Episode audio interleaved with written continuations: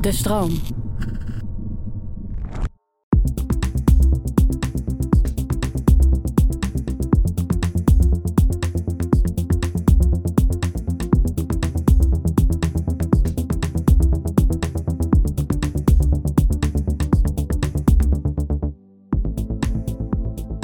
Fijn dat je luistert naar de Podcast Psycholoog. Podcast waarin ik, Marissa van der Sluis, samen met andere psychologen in gesprek ga over belangrijke onderwerpen. Om zo met z'n allen onszelf en anderen beter te leren begrijpen. In Nederland alleen al sterven gemiddeld vijf mensen per dag aan zelfdoding, waaronder wekelijks vijf jongeren. Hoe zwaar dit onderwerp ook is, we zullen het er met z'n allen toch over moeten gaan hebben. Wat doe je als je alleen rondloopt met zelfmoordgedachten? En wat als je vermoedt dat iemand in je omgeving denkt aan suïcide? In deze aflevering leggen we uit hoe suïcidale gedachten ontstaan en op welke manier je het gesprek daarover kunt aangaan. Zodat we met het stellen van één kleine vraag een groot verschil kunnen maken. En daar gaan we het over hebben met Manon Merkus. Manon is als GZ-psycholoog werkzaam bij 113 zelfmoordpreventie, waar ze zich met name bezighoudt met de hulp die wordt geboden aan mensen die contact opnemen met de hulplijn of mensen die gebruik maken van de online therapie. In het verleden is zij als behandelaar werkzaam geweest bij de GGZ en de jeugdhulp. Ja, Manon, het onderwerp suïcide, zelfdoding, zelfmoord. Ja. Laten we maar meteen eh, het beestje bij de naam noemen. Ja. Eh, het is niet makkelijk om eh, daarover te praten. Ik had bij de voorbereiding daar af en toe zelf ook wel last van. Het is echt wel een zwaar onderwerp. Mhm. Ehm, maar toen onlangs een bekende van mij en Leonie een einde aan haar leven maakte, toen keken we elkaar op een gegeven moment aan en zeiden: We moeten een aflevering maken Ja. over zelfdoding.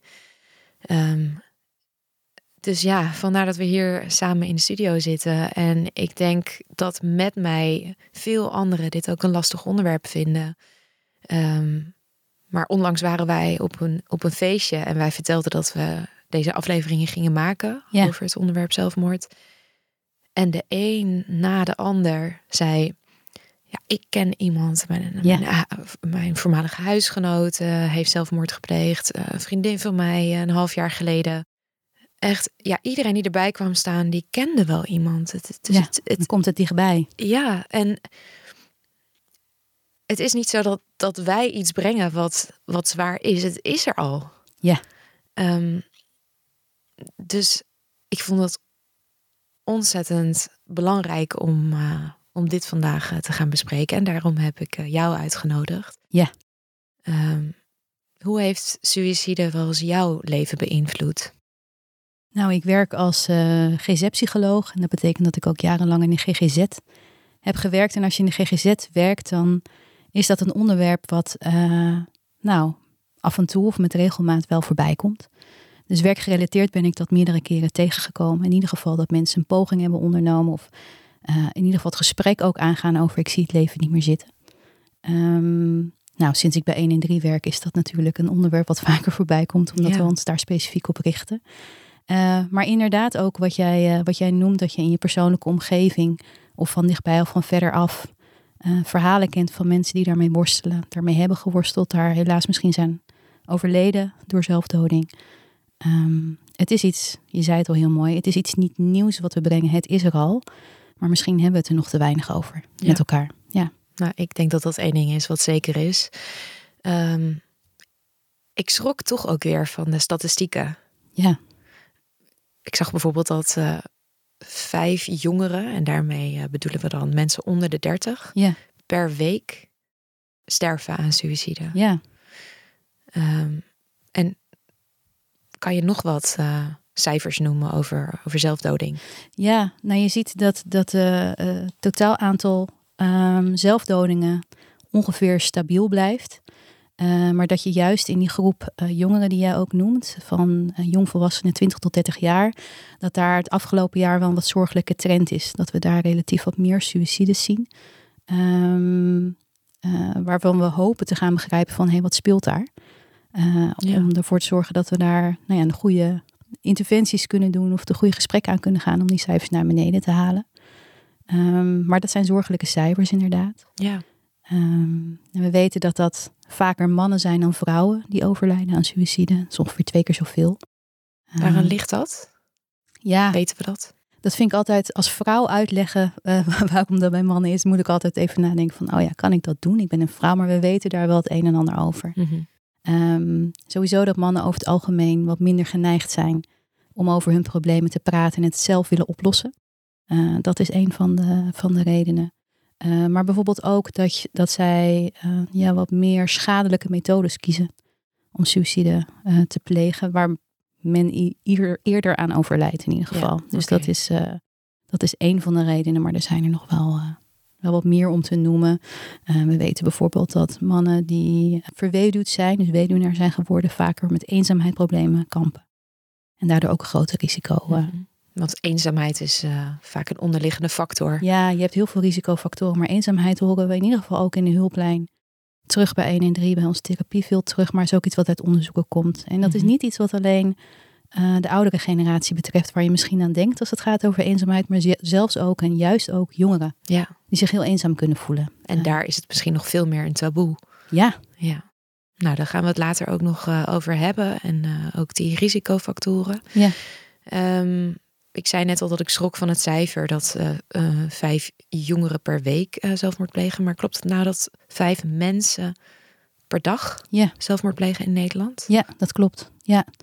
En als je dan, want we hadden het er al over, hè, dat je op een feestje stond en dat je dan, als je het noemt, om je heen hoort dat, dat er veel ervaringen zijn van dichtbij of verderaf van mensen met dit, met dit thema.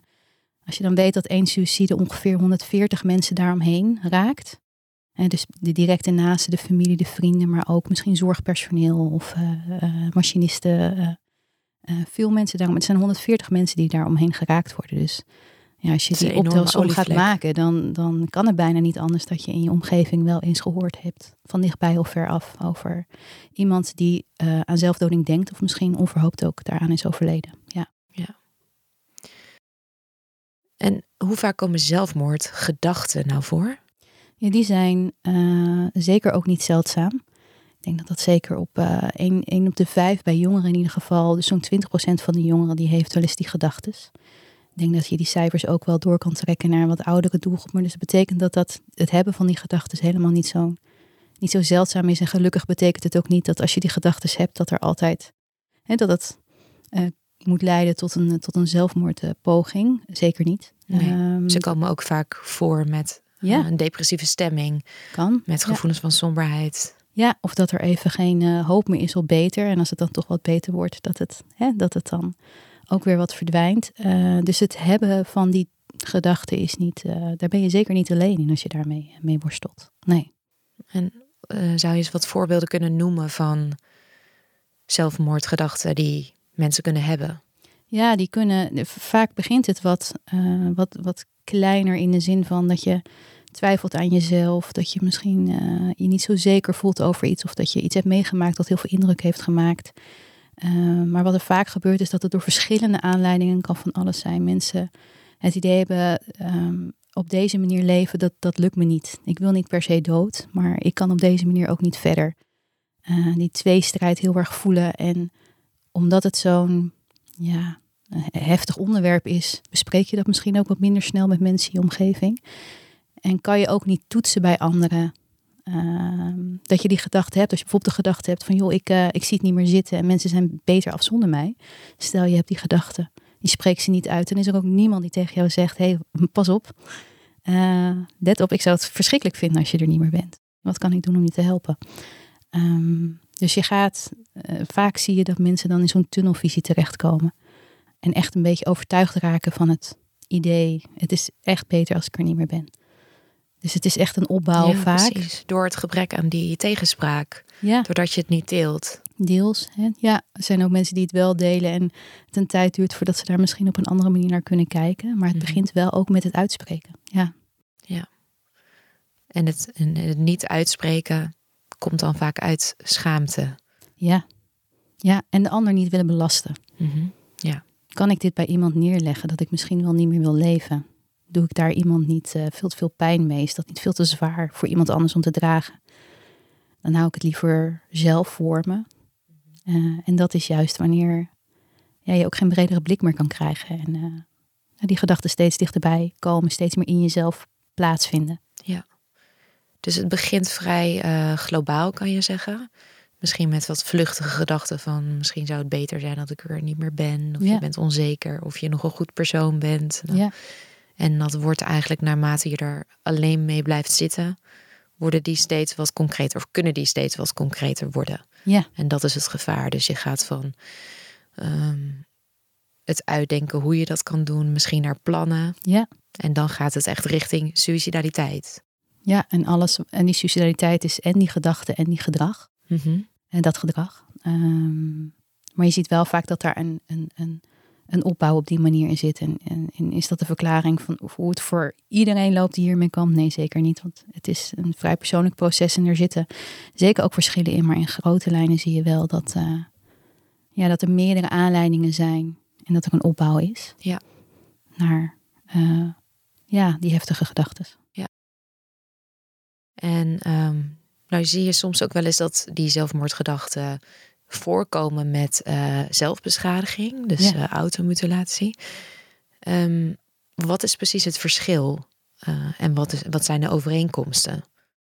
Nou, ik denk dat zowel bij, ehm, hè, als je twijfelt over wil ik in, in leven blijven of niet, en automutilatie gaat het vaak over een, een pijn die je op dat moment heel ondraaglijk vindt. Ehm, en automutilatie is voor veel mensen een manier om met die pijn om te gaan, omdat je een andere pijn gaat voelen. En dat is op de lange termijn, eh, nou ja, geen, geen eh, coping eh, om om te gaan met je probleem, omdat het alleen nog maar erger wordt. En dat kan samengaan met suicidaliteit. We zien daar vaak ook dat dat samengaat, maar niet iedereen die zich automutileert is ook suicidaal. Dus dat, dat kan ook losstaan van Ja. elkaar. Maar het is in die zin wel een manier om met pijn om te gaan, maar een schadelijke manier. Ja, Ja, en bij beide zit er dus eh, eigenlijk een ander motief achter van je wil eigenlijk weg van de pijn die je hebt. Die is op een gegeven moment echt ondraaglijk geworden. ja die ondraaglijkheid die speelt bij allebei heel sterk. Ja. En even geen andere manier meer zien of uitweg meer zien om het op een andere manier op te lossen. Of te durven kijken naar een andere manier, omdat dat hetgene is wat, eh, wat je gewend bent, wat er is. Eh, ja. Ja, in de aflevering van eh, hoofdverhalen zegt onze eerste gast dat ook. Ook over ehm, ja, die gedachte om er niet meer te zijn. Van dat, dat is een soort abstracte uitweg op dat moment. Bijna Ja. iets, iets fijns om aan te denken dat dat Ja. altijd nog een mogelijkheid is. ja, geeft een bepaald soort rust. Ja, het geeft een rust van daar Ja. kan ik dan altijd nog heen. Mocht dit allemaal niet werken. Mhm. En dat is denk ik herkenbaar voor velen. Je, je wil niet per se naar de dood, maar weg van de plek waar je op dat moment bent. Ja. ja, en je ziet geen andere manier meer om er weg van te komen. Nee, terwijl die er wel vaak zijn. Ja, ja. alleen zie je ze op dat moment niet meer. We hadden het net al eventjes over eh, risicofactoren. Je Mhm. noemde net al eenzaamheid. Ja. Ehm, wat zijn risicofactoren eh, voor suicidaliteit? Ja, dat zijn er best wel een hele hoop. Waarbij ik zeker niet wil zeggen eh, dat er heel veel kans is op een, eh, op een suïcide. Maar suicidaliteit is gewoon een ingewikkelde en complexe situatie waarin heel veel factoren een rol kunnen spelen. En we met onderzoek ook steeds beter proberen te leren begrijpen welke factor een risico geeft en wat we daar wel of niet mee kunnen.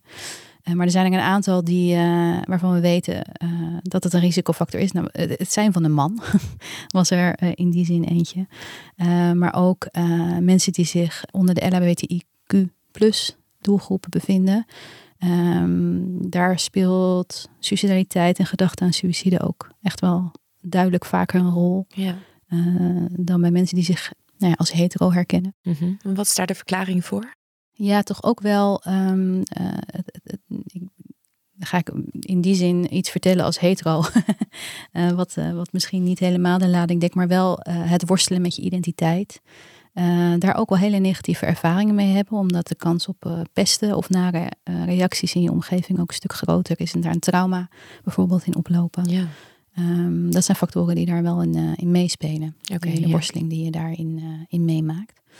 Ehm, dus dat is ook wel een, een, een, duidelijke risicofactor. Het hebben van psychische problematiek, zoals een depressie of autisme, uh, is ook een, een risicofactor. Ja, ja. oké. Okay. En waarom specifiek autisme? Nou, wat je uh, daar vaak ziet is dat mensen die kampen met autisme, wat, wat kan gebeuren is dat, dat je geneigd bent tot vrij zwart-wit denken. en dat dat soms nog wel eens in de weg kan zitten met, in de nuances zoeken wat betreft je suicidaliteit. Ja, dus als je eenmaal op één spoor zit qua gedachten, ja. dat het dan heel moeilijk is om, om daar dan weer uit te komen of om dat Ja. te relativeren. Ja, en, en ook wel in, in de ondraaglijkheid van hoe je dingen ervaart als de, de wereld hard op je afkomt. In je prikkelgevoeligheid en ja. in het anders zijn en in het eh, moeilijk mee kunnen draaien in de maatschappij. De eenzaamheid die daarbij komt kijken, dat is zeker ook een, eh, een factor die daarbij speelt. Maar ook wel die rigiditeit of dat zwart-wit denken kan Ja. daarin een rol spelen. Ja. Zijn er nog bepaalde eh, situaties of dingen die je kan meemaken, levensgebeurtenissen, die eh, de kans op suïcide ook vergroten? ja, we weten bijvoorbeeld dat het hebben van financiële problemen of schulden een duidelijke risicofactor is. Ja, hè? En ja. daar zit een hele grote overlap met suicidaliteit, omdat daar vaak ook taboe en schaamte heel erg heerst. Bij het hebben van schul- eh, schulden. Ja, Ja. mensen heb- hebben het daar liever niet over als je daarmee kampt. Dat is ook best wel eh, moeilijk om het daarover te hebben. Ehm, en dat is ook op het moment dat er een financiële crisis is of er is een eh, recessie, eh, mensen baanverlies, dan zijn dat altijd wel periodes waarin we nou ja, alert zijn op de stijging van het aantal suïcides. Eh, omdat dat ook echt wel een, een duidelijke stressfactor is voor mensen. Waarbij het gevoel daar nog uit te komen uit de schulden of hoop voor de toekomst te hebben best wel heel lastig wordt. Omdat het ook op zoveel gebieden in je leven ingrijpt als je financiële problemen hebt, niet rondkomt, niet mee kan doen. Het is afschuwelijk, hè? Ja. ja. Ja. Ik heb daar wel eens wat over gelezen en gezien. En dat voelt voor mensen als een uitzichtloze en hele schaamtevolle situatie. Ja, en dan zit je eigenlijk bijna met een dubbele schaamte. Hè? Je durft het niet te hebben over de, de financiële problemen die je ervaart. En misschien ook wel niet over eh, de suïcidale gedachten die je daardoor hebt. Dat is een soort van dubbel taboe. Ja. Ja. dan zit je echt, echt gevangen. Klem, ja. Ja. Dus goed om, om daar ook oog voor te hebben. Ja, Ehm, en ik moet er zelf ineens denken aan eh, middelenmisbruik of eh, middelenafhankelijkheid. Dus eh, Ja. het hebben van een eh, alcoholverslaving of een drugsverslaving. ja. Is dat ook een, een groot risico? Ja, dat, dat is wel een risicofactor, omdat dat de, de stap naar het plegen van een suïcide, de, de impulsiviteit die dat kan veroorzaken, wel vergroot. Dus we zien dat de reden waarom bijvoorbeeld bij mannen vaker die suïcide voorkomt, is dat zij ook vaker geneigd zijn om die middelen te gebruiken. Dus dat dat de drempel echt wel kan verlagen eh, om een poging te ondernemen. Dus als we het eh, in, bijvoorbeeld in, in behandeling hebben over hè, wat kan je doen als je eh, in behandeling bent of in contact met, met, met iemand die suicidaal is. En waar kan je het over hebben? Dan is het vaak ook het gesprek over hoe kan, de, hoe kan je de middelen die je tot je beschikking hebt minder beschikbaar maken. Zodat je niet in een oogwenk eh, te veel of te snel iets van iets inneemt. Waardoor Ja. de drempel te snel verlaagd wordt. Ja, En bedoel je dan dat je wat minder makkelijk onder invloed kan zijn, waardoor eh, die gedachten, doordat je die gedachten minder, minder snel kunt gaan uitvoeren, terwijl Ja. je er natuurlijk later achteraf spijt van zou hebben. bijvoorbeeld. Ja, en het minder beschikbaar hebben van middelen in huis. Ehm, op het moment dat je kampt met die zelfmoordgedachten. Dat je er niet zo makkelijk, zo snel in een hoeveelheid bij kan komen. Dat het misschien misgaat. Ja. Ehm, en wat misschien wel goed is om te noemen, is dat als we terugkijken naar die wat jongere doelgroep waar we het over hadden, van de 20 tot 30-jarigen, de jongvolwassenen, waarbij die cijfers eh, ook wel aan het stijgen zijn. Eh, als we dat proberen te begrijpen, dan zien we ook wel dat daar ehm, ook wel de prestatiedruk en het eh, zorgen over de toekomst, over het Ja. klimaat, over het woonprobleem. Dat is wel iets van nu, hè? Dat is echt iets van nu, eh, wat we vaak terug horen. eh, het, eh, het gebruik van social media daarin, of wat social media Ja. ook je laat zien en ehm, hoe je daar in klem kan komen te zitten. Dat is misschien ook wel echt specifiek meer een thema voor die, eh, voor die jongere doelgroep. Ja. Ja. Ja, de, de, de, de hoeveelheden aan informatie die jongeren Ja. tegenwoordig tot zich krijgen, het is Ja. echt. En de snelheid waarmee ook. Ja. ja. Hè, dus die prestatiedruk bij jongeren Ja. en social media. Mhm. Ehm, dat zijn in ieder geval twee belangrijke factoren die, waarvan jullie nu denken dat dat. eh, Dat dat meeweegt. En, en daarin ook de eenzaamheid. Hè. Dus aan de andere kant klinkt dat heel erg als we in de maatschappij staan en willen presteren. En, maar aan de andere kant ook heel, eh, heel eenzaam kunnen zijn. En geen aansluiting vinden eh, Ja. bij, bij je leeftijdsgenoten in de echte wereld. Want in de echte wereld. in de digitale wereld zijn ze natuurlijk allemaal connected. Ja. Maar eh, dat maakt het des te moeilijker om in, het, in de echte wereld eh, ja. een goed gesprek te De, voeren. be- de belangst is wat hoger, geloof ik. Ligt wat hoger de Ja, hè? cijfers erover dan voorheen. En aan de andere kant, eh, social media is er. En Ja. kan ook vaak heel erg steunend zijn als je kijkt naar de hoopvolle verhalen die mensen kunnen delen. En je kan er ook heel veel steun in vinden. Dus het is ja, geen kwestie van, hè, moet social media er zijn, wel of niet. Maar Nee. hoe gebruiken we dat op een, on- ja, op een manier die helpend is in plaats van dat die, eh, dat die schadelijk kan zijn. ja, precies. En ook dat gesprek eh, is goed om te voeren. Zeker, ja, Ja. absoluut. Ehm, nou, nou zijn er denk ik al vaak, hè, als iemand zelfmoord pleegt en als je terugkijkt, vaak als wel signalen geweest. Ja. Ehm, dat iemand dacht aan zelfmoord. Wat zijn belangrijke signalen om op te letten? Ehm nou, meest voor de hand liggende zijn misschien wel wat meer eh, bekende signalen die je linkt aan depressiviteit. Dus dat iemand eh, zich terugtrekt uit sociaal contact, eh, afspraken afzegt, moeilijker zijn bed uit kan komen, moeilijker op zijn werk kan komen, wat somber oogt. Eh, en aan de andere kant heb je juist ook als je een hele duidelijke gedragsverandering ziet, dat iemand bijna roekeloos opeens door het leven gaat. En, eh, Heb je daar een voorbeeld van? nou, dat je van het ene feestje naar het andere feestje gaat en dat je energie niet op lijkt te gaan. En eh, dat je eigenlijk in, in alle energie die je bij iemand ziet, iemand heel erg onbereikbaar is. En dat je Ja. iemand niet zo kent op die manier. Dat, is, dat is ook iets waarin je nou ja, eigenlijk de vraag zou willen stellen van hey, hoe is het nou eigenlijk met je? Want Ja. ken je zo niet. Wat is er aan de hand? Waar, waar, zit het dat dan in, dat, dat gedrag? En, en hoe kan je dat dan koppelen aan die suicidaliteit? Hoe werkt dat? Ja, eh, misschien ook van eh, het idee hebben van eh, het doet er toch allemaal niet meer toe, dus boeien eh, en gaan. Een soort Eh, onverschilligheid zit daarin. onverschilligheid erin. eh, je- jezelf daarin ook kwijtraken. En misschien ook een vlucht voor de emoties of de donkere gedachten die je hebt. Hè, voor jezelf ook, om daar aan- gewoon aan voorbij te gaan. Niet stil te hoeven staan bij het feit dat het eigenlijk helemaal niet goed met je gaat. Omdat je ook niet zo goed weet hoe je dat kan keren, dat, dat tij. Hoe het beter kan. Dus daar zit een soort eh, destructief gedrag in. Ja, Maar dan op een meer sociaal geaccepteerde manier of wat subtieler ergens. ja het valt wat minder op misschien. Hè. Iemand is misschien gewoon aan het feesten. En, eh, maar ja, het valt wel op, want iemand deed dat daarvoor misschien wat, eh, wat minder. Ehm, en tegelijkertijd zullen er mensen die ook naar deze podcast luisteren, misschien ervaring hebben met verhalen van suicides die hebben plaatsgevonden. Dat ze eh, denken van, hé, maar ik heb, ik heb niks aan iemand gezien. Dat kan zeggen, ook. ja. Hè, dat, dat kan ook. Dus het is, het is lang niet altijd duidelijk. Nee, Ehm, en is het juist zo belangrijk om dat gesprek met elkaar aan te gaan. Om, eh, om, om iemand uit te nodigen om erover te vertellen. Als iemand daar klaar voor is en eh, dat wil doen. Ja, ja, want dat was eigenlijk mijn volgende vraag. Van, je hoort ook wel, eens, ook wel eens dat het als een complete verrassing Ja. komt. En ja, Ja. zijn er dan wel altijd signalen? En ja. ik denk dat het antwoord daarop is nee. moeilijk te zien in ieder geval. En ook zeker niet aan de omgeving om zich daar schuldig om te voelen dat je iets gemist hebt of niet. Want soms zit dat in hele kleine dingen. Als de vraag is, zijn er altijd aanleidingen? Ja, er zijn dan altijd wel aanleidingen geweest, maar die zijn misschien heel verborgen gebleken. Eh, of iemand is daar niet helder over geweest, of is daar niet, eh, durfde dat niet te delen met de omgeving. Waardoor het heel erg out of the blue overkomt, maar iemand daar misschien dan wel langer met zichzelf mee heeft geworsteld. Dat zou Ja. kunnen. Ja. Maar het is niet van buiten altijd te zien. Nee, En nee. ja, je moet ook kijken, je moet ook realistisch zijn. Iedereen heeft natuurlijk ook zijn eigen leven en kan Ja. ook niet voortdurend vo- helemaal op de ander gericht zijn. Misschien als je er dag en nacht bovenop zat, had je het kunnen observeren, maar dat is ook weer niet de realiteit. Nee.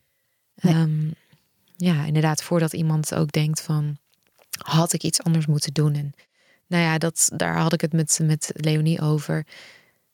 Als het gebeurt in je omgeving, ga je natuurlijk altijd terugdenken. Had ik iets anders moeten doen? Ja. Had het verschil gemaakt als Ja. we even dit hadden gedaan of dat? Ehm, Ja, dat zijn Ja, moeilijke vragen. eh, wel vragen die vaak voorbij komen eh, bij nabestaanden.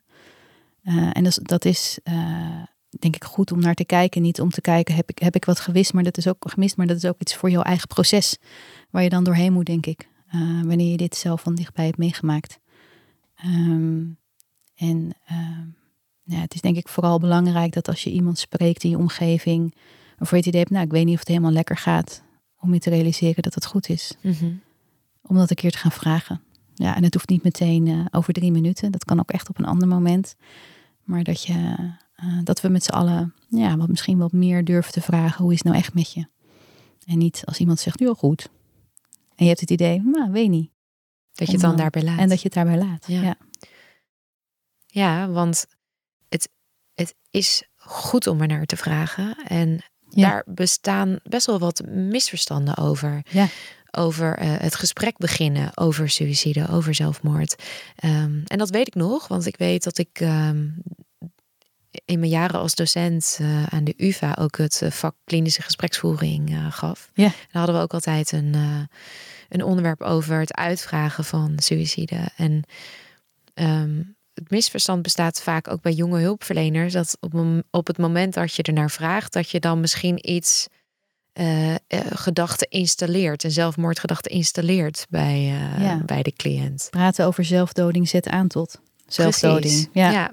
Terwijl het omgekeerd het geval is, hè? Absoluut, ja. Nee, dat praten is juist ongelooflijk belangrijk, omdat je op het moment dat je dus in die tunnelvisie uh, zit, waar we het eerder over hebben gehad, dan is er ook gewoon geen, geen lucht en geen ruimte meer. En door te praten gaat die deksel van die put een beetje open en komt er weer wat lucht en, en licht naar binnen om samen te kijken naar een andere oplossing. Het lucht op ja. Uh, om erover te praten. En is daarmee meteen je suicidaliteit van tafel en al je problemen opgelost? Nee, zeker niet.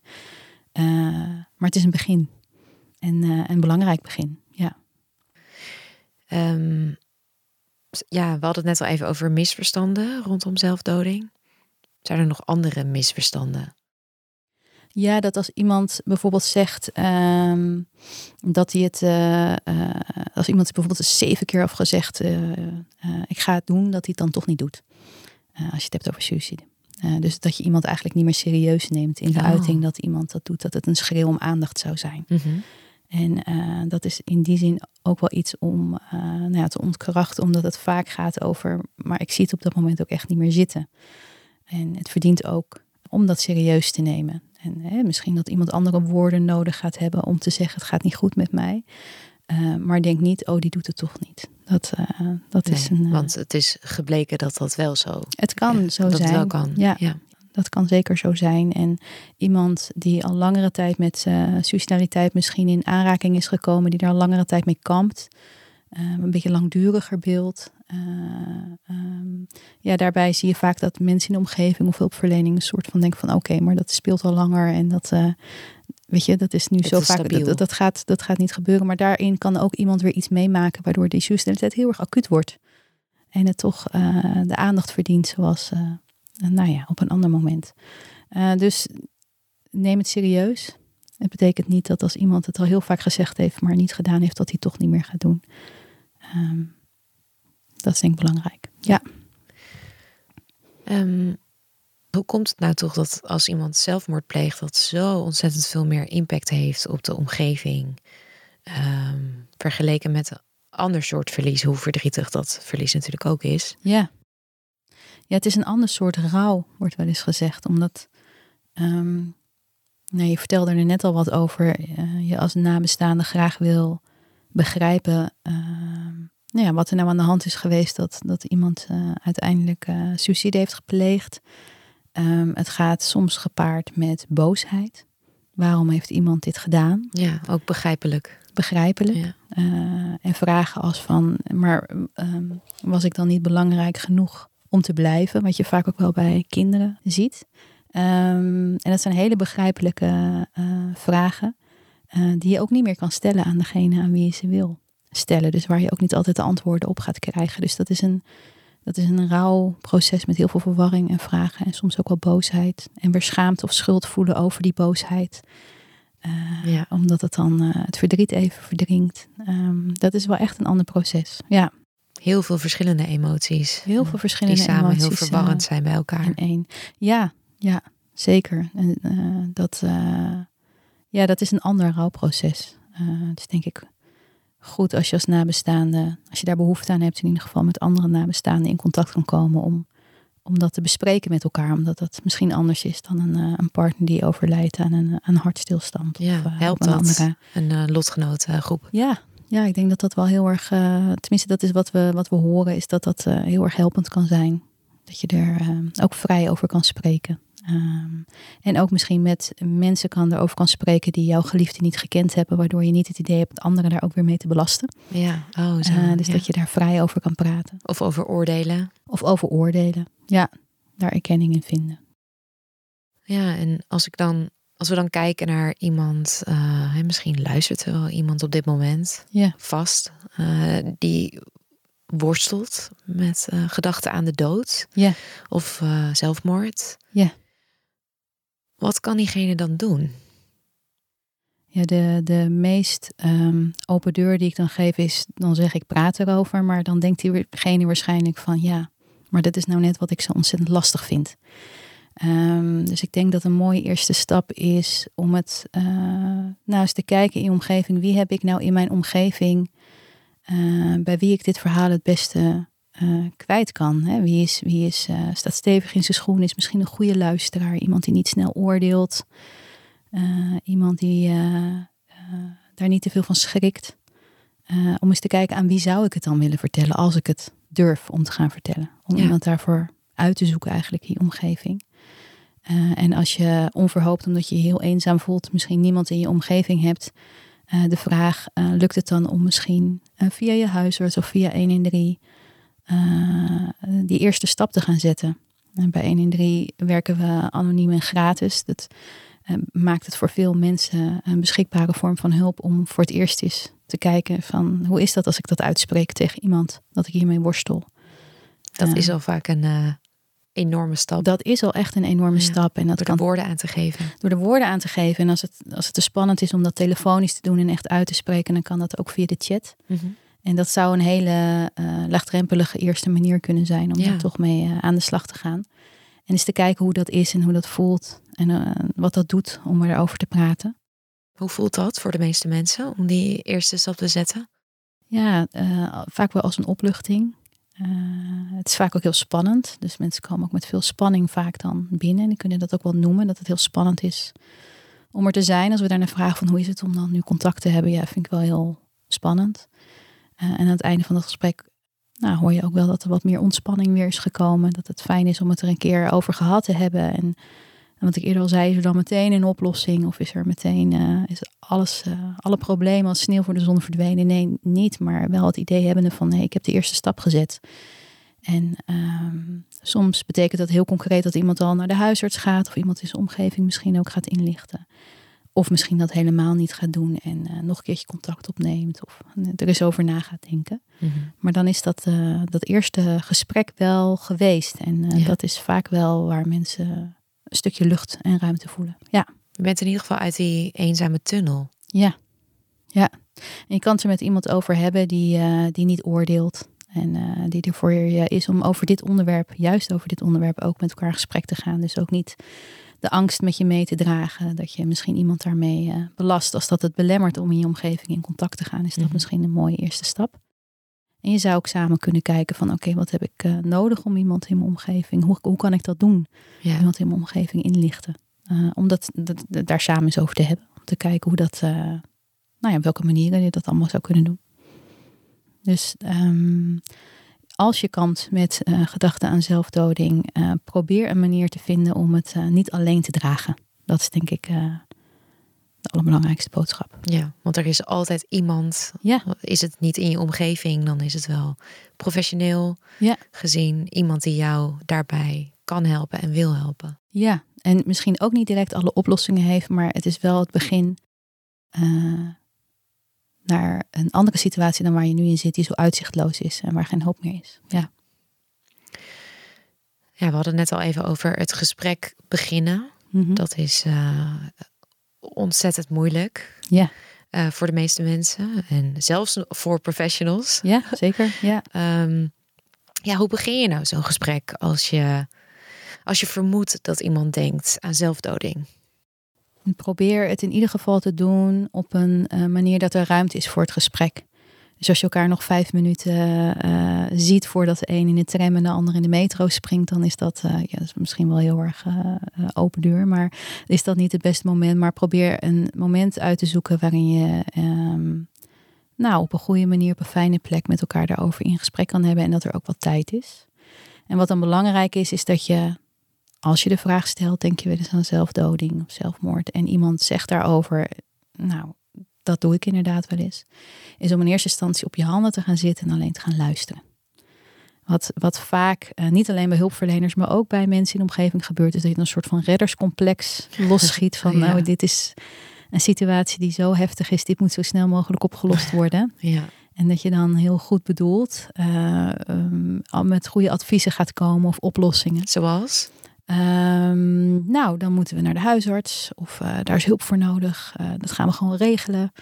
Eigenlijk meteen weg van het gesprek. Weg van het gesprek. Moment. Ja, of lichtpuntjes willen noemen. Hè, om iemand op te peppen van joh, maar gaan toch ook heel veel dingen op dit moment nog goed in je leven. En probeer daar kracht uit te halen. Ja, ja, ja. en dat zijn hele normale dingen, want dat zijn valkuilen waar we allemaal in kunnen stappen.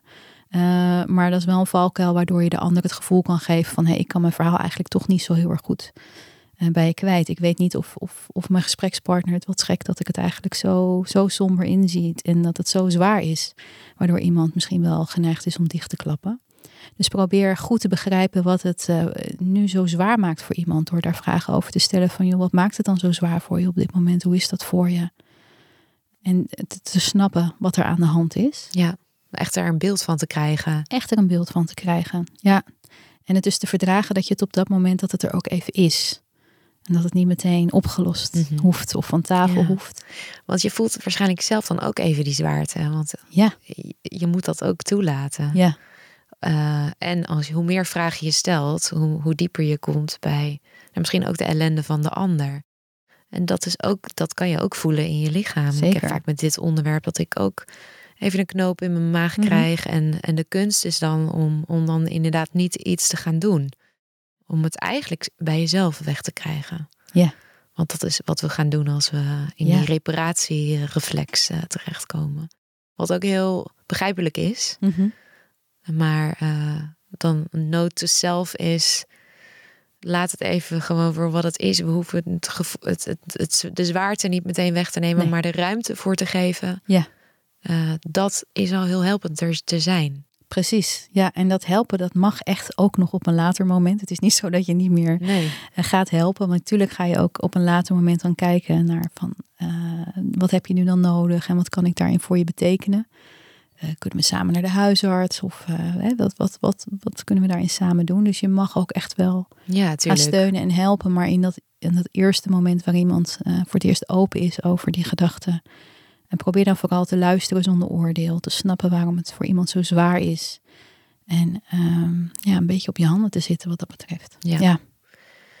En stel je bent uh, een, een, vriendin of een, een buurman of een uh, leraar of een coach. Ja.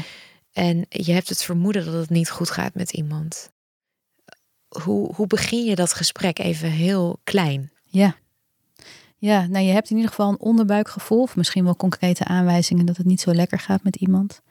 Als je hele concrete aanwijzingen hebt, omdat iemand daar misschien iets over verteld heeft, dan is dat een hele mooie kapstok, zeg maar, om het gesprek over te doen. Hè? Je vertelde me vorige week dat je er even helemaal doorheen zat. Uh, omdat uh, nou, van alles stuk ging in je huis en uh, de, de, belastingaangifte lag op de mat. eh, en je overzag het even niet meer om daar nog op terug te komen van je, hoe is dat dan nu met je? Want ik maak me er wel een beetje zorgen over. Hoe is het nou echt met je? En wat doen die gedachten met je als dat gebeurt? En betekent dat het ook, als iemand daar verder over vertelt, ja, dan zie ik het echt helemaal niet meer zitten. En dan ben ik er helemaal klaar mee door daadwerkelijk de vraag te stellen van, joh, maakt dat ook dat je daarover nadenkt om een einde aan je leven te maken? Om, uh, denk je ook aan zelfmoord? Om die vraag gewoon te stellen eigenlijk op het Ja. moment.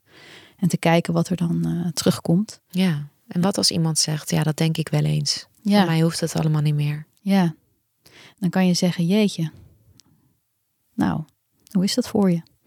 Om die gedachten te hebben. Vertel eens, wat is er aan de hand? Ja. En dan ga je op je handen zitten. Dan ga je luisteren. Ja. ja. En dan hoop je dat iemand daar wat meer over gaat vertellen mm -hmm. uh, tegen jou. Uh, als het meer, als je niet echt concrete aanwijzingen hebt, maar je hebt meer het onderbuikgevoel van, nou, ik weet niet, ik weet niet hoe het nou echt met iemand is. Als je vraagt van hoe is het, iemand zegt, oh, goed. hoe is het nou echt met je? Ja, goed. Ja, maar dat je dan niet meteen loslaat, maar zegt van, joh, maar ik merk, ja. ik merk maar ik een beetje zorgen om je maken. Um, nou, ja, ik, weet, ik, weet, ik weet niet of het wel zo goed met je gaat. Ja, precies. Je mag ook even door die muur heen ja. proberen te breken. Ja. Zodat je zeker weet dat je het aan alle kanten hebt geprobeerd. Ja, en dan iemand uitnodigen van, joh, nou oké, als jij zegt dat het goed gaat, dan je hoeft ook de strijd er niet over aan te gaan. Maar weet dat ik er voor je ben op het moment uh, dat het uh, dat misschien wat minder met je gaat en je daarover wil praten. Dan ja. uh, trek dan vooral aan de bel en vraag er later zelf ook gewoon nog een keertje naar. Ja. Mm Ja, dus dat is echt dat, dat eerste gesprek. Ja. En als iemand ook open staat om samen met jou hulp te gaan zoeken, hè, want ik kan me ook voorstellen dat niet iedereen ook die, die, die hulp die daarna geboden moet worden, kan bieden. Mm ja, hoe zoek je samen hulp? Ja, um, nou door in eerste instantie denk ik aan te sluiten bij degene die komt met de zelfdodingsgedachte. Door te vragen van joh, um, wat voor hulp zou je willen? Uh, waar voel jij je fijn bij? Want het kan zijn dat uh, iemand uh, echt wel snel huisartsenzorg of GGZ-zorg nodig heeft. Maar het kan ook zijn dat iemand dat niet per se nodig heeft op dat moment. Als, je, als we het hebben over die gedachte aan zelfdoding, die komen vrij regelmatig voor. Ja. Uh, en het is in die zin, um, nou, uh, niet heel concreet en, en nog niet heel donker en heel zwaar. Dan zou je erover na kunnen denken om eens te vragen van, joh, wat zou je dan voor hulp fijn vinden? Wat, wat zou jou helpen? Dan, dan heeft het misschien wat minder spoed. Ja. Uh, en dat weet je nooit helemaal zeker, dus dat is een beetje spannend. Maar in ieder geval door uh, aan te sluiten bij iemand en te vragen van, joh, maar wat voor hulp zou jij dan willen? Wat je vaak hoort is dat mensen bijvoorbeeld uh, angstig kunnen zijn. Dat als ze naar de huisarts gaan, dat ze meteen opgenomen worden en dat ze dat niet willen. Dus je kan helpen door uh, uh, samen naar die huisarts te gaan en die angst ook te bespreken. En misschien die angst ook wat weg te nemen. Dat het niet aan la minuut altijd zomaar gebeurt. En dat het begint bij in ieder geval aangeven hoe het met je gaat. Ja. Dat je dan samen met de huisarts kan kijken wat er mogelijk is, wat er nodig is. En dat je er voor iemand bent, ja. als dat zo is. Uh, dus ook door wat angst of onwetendheid misschien af en toe weg te halen. Ja, en dat kan je dus ook samen gaan uitzoeken. Kan je samen gaan uitzoeken. Dat hoeft iemand niet alleen te doen. Nee. nee. Dus dat is dan op dat moment eigenlijk jouw belangrijkste functie. En ja. goed vragen van waar heb jij behoefte aan? Want dat kan voor iedereen ook verschillen. Ja, en als je nou ja, wat meer wil leren over hoe, hoe je zo'n gesprek nou precies aangaat. En je bent er uh, ook door het luisteren hier naar wat geïnteresseerd van hoe doe ik dat dan precies. Dan zijn er ook mogelijkheden om jezelf daar wat meer in te scholen en te verdiepen. Uh, we hebben een hele mooie vraagmaartraining bij 1 in 3 op de website vraagmaar.nl. Waarin je eigenlijk in een soort van een uur tijd met interactieve video's wordt geleerd om dat gesprek te voeren. Zodat je weet wat wel en wat niet. Ja, heel goed. Uh, of wat meer inzicht te krijgen in waar kan je nou naartoe doorverwijzen op het moment dat je nou ja, weet dat het niet goed gaat met iemand en iemand wil ook hulp. Ja, waar ga je dan heen? Hè? Om, daar, om daar wat meer uh, zicht op te krijgen. Ja. het is een mooie plek waar alle informatie over dit onderwerp eh, bij elkaar staat. En uh, allemaal gebaseerd is op wetenschappelijk onderzoek. Ja. Wij hebben samen ook nog een extra aflevering gemaakt. Die staat op de podcast Psycholoog Club. Mm Waarin we demonstreren hoe je het gesprek zou kunnen aangaan. Um, je hoort daarin één gesprek tussen twee collega's en één gesprek tussen een docent en een scholier. Ja. Um, ja, nog even kort van hoe is er een verschil hoe je in gesprek gaat met, een, met iemand die jonger is, dus bijvoorbeeld een puber en een volwassene? Um, Waar nou, moet je dan op letten? Nou, ik denk niet heel groot, want het valt of staat denk ik toch wel gewoon met de vraag durven stellen. En die is voor een uh, jongere denk ik hetzelfde als voor een uh, volwassene. Um, waarbij de drang uh, van, een, van een, iemand in de puberleeftijd misschien om het zelf allemaal uit te zoeken iets groter nog is. Uh, of er, tegen het advies van een volwassene eerst nog misschien uh, wat tegengas te geven. Ja. Uh, dus de weerstand dat, is groter. Ja, en, en de neiging dan ook is om heel erg te gaan beheersen. Hè? Heel erg er bovenop gaan zitten en zo. Terwijl je ja, ook juist ook wel wat autonomie in handen wil geven. Om samen verder te komen. Dus kijken wat je toch samen kan en niet te veel dingen op willen leggen in ieder geval. Ehm, en ja, we hadden het eerder al over de, ja, de invloed van social media. Dus ik denk ook wel dat als een jongere die kan met zelfdodingsgedachten daarover begint te praten en je hebt dat gesprek daarover, om eens te kijken van joh, um, weten je vrienden ervan en waar zitten die vrienden eigenlijk? Zijn die live of zijn die online? En wat zie je eigenlijk allemaal online? Wat zoek je op? Mm Want? wat, wat, doet dat met je? Wat zoeken ze dan op? Nou, het kan zijn dat je, als je kan met deze gedachten, dat je uh, misschien wat meer op zoek gaat naar, uh, naar termen uh, die daarmee te maken hebben op Google of, of waar dan ook. Of op, Instagram of TikTok. dan kom je misschien ook wel beelden of filmpjes tegen van mensen die zich heel erg somber voelen en daar heel erg open over zijn. Wat enerzijds heel mooi is dat je er open over kan zijn, maar dus deels ook wel weer triggerend kan zijn. Um, en het extra moeilijk maakt om, om eruit te komen. Hm. Uh, dus als jij zelf heel somber bent of je kan met die gedachten en je zoekt daar veel dingen over op, dan is het heel erg moeilijk om te zien dat buiten af en toe ook de zon nog eventjes schijnt, zeg maar. Ja. Want dan is dat wel iets wat je nou, heel erg beïnvloedt. Ja. ja, precies. Want dat, dat, daarin zit dan niet echt het kantelpunt dat het weer beter gaat met iemand. Ja.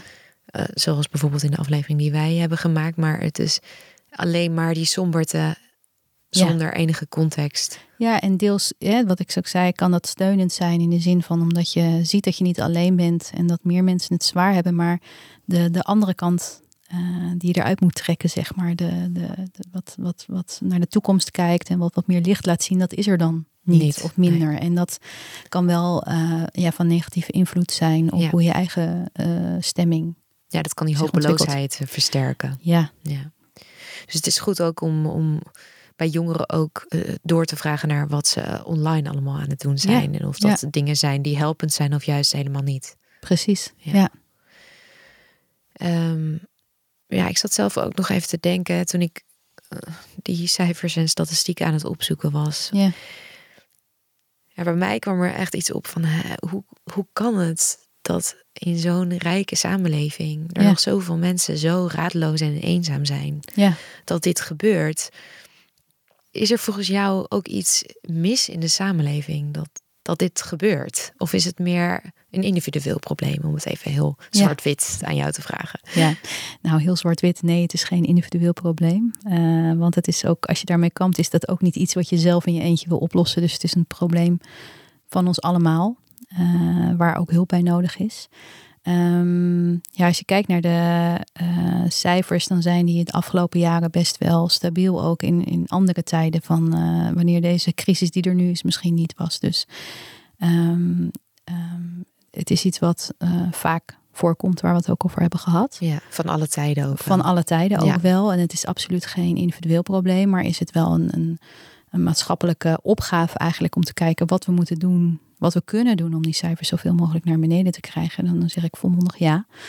Um, als je bijvoorbeeld ook, sommige dingen gebeuren ook al een beetje. Als je kijkt naar de gezondheid, mentale gezondheid van jongeren en de prestatiedruk die men uh, voelt, zie je ook wel dat sommige universiteiten of sommige scholen al proberen met uh, tot aantal studiepunten iets naar beneden te halen, hè, zodat die lat niet zo hoog ligt. Of om uh, meer in te zetten op uh, lessen van mentaal welbevinden bijvoorbeeld, zodat ja. je daarin ook wat meer ja, tools in handen krijgt als je opgroeit.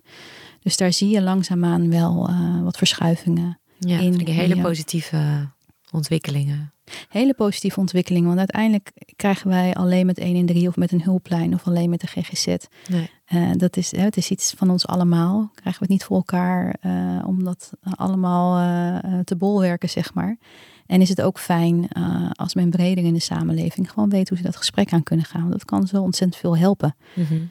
um, en het kan je ook zelf ook, nou ja, het is ook fijn om iemand te kunnen helpen daarin, zeg maar. Dat als je die vraag gesteld hebt, dat het heel emotioneel is om dat te doen. En ook misschien ook best wel zwaar, maar dat je, als je erop terugkijkt en je hebt het gesprek gehad en dat is goed gegaan en iemand ja. is de zorg gekomen, waar je ook met een goed gevoel op terug kan kijken. Net zoals je misschien opgeroepen kan worden om iemand te reanimeren in nood, bij wijze van spreken. Ja. Dat, je, ja, dat doe je ook met het idee van, nou, ik wil mensen kunnen helpen.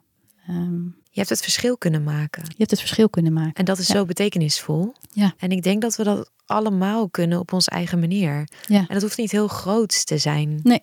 Als het al iemand is in je eigen omgeving die een keer die extra vraag stelt. Ja. Ja, dan zijn we er natuurlijk nog, nog niet. Nee.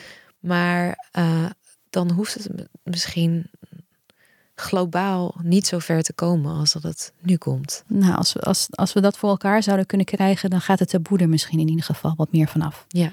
Uh, als we er wat meer met elkaar over spreken, dan is het een onderwerp wat niet uh, onder de tafel hoeft te liggen, maar wat, waar het normaal over is om erover te spreken misschien. Of normaler is om erover te spreken. Dat maakt het niet uh, altijd minder spannend of minder ingewikkeld. maar we weten dan met z'n allen hoe we dat gesprek moeten aangaan. En het gebeurt vaker. Dus dan, als het goed is, gaat het taboe dan ook wat meer ervan af. En uh, aan de, dat kan betekenen dat mensen aan de andere kant die dat gesprek graag willen, um, ook weten dat ze bij iemand anders terecht kunnen. En dat gesprek misschien ook weer wat sneller aangaan, mm -hmm. omdat het minder taboe op ligt om ja. het erover te hebben. Um, dus dat zou ontzettend mooi zijn. En um, nou, in de breedste zin ja, kan je als sportcoach ook misschien denken van... hé, hey, ik, uh, ik werk met veel mensen samen en ik zie soms ook mensen die, uh, die zich niet lekker voelen.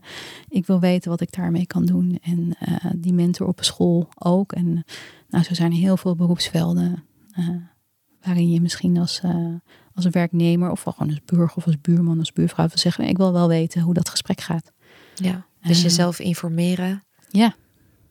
En kijken of je op een hele kleine manier toch een hele grote impact kunt maken. Een start kan maken naar, naar beter voor iemand. En uh, nou, dan uh, is het fijn als ook de wegen die daarna bewandeld moeten worden, dat die ook goed lopen en dat die soepel lopen en dat er hulp nabij is.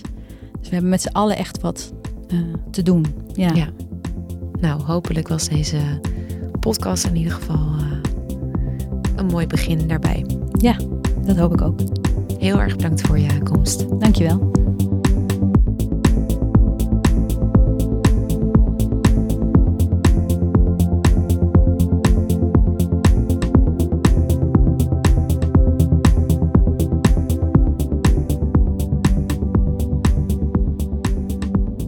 Je hoorde net al een verwijzing naar de podcast Hoofdverhalen met onze eerste gast Vroon Bouter. Haar hoofdverhaal vind je gewoon in onze feed.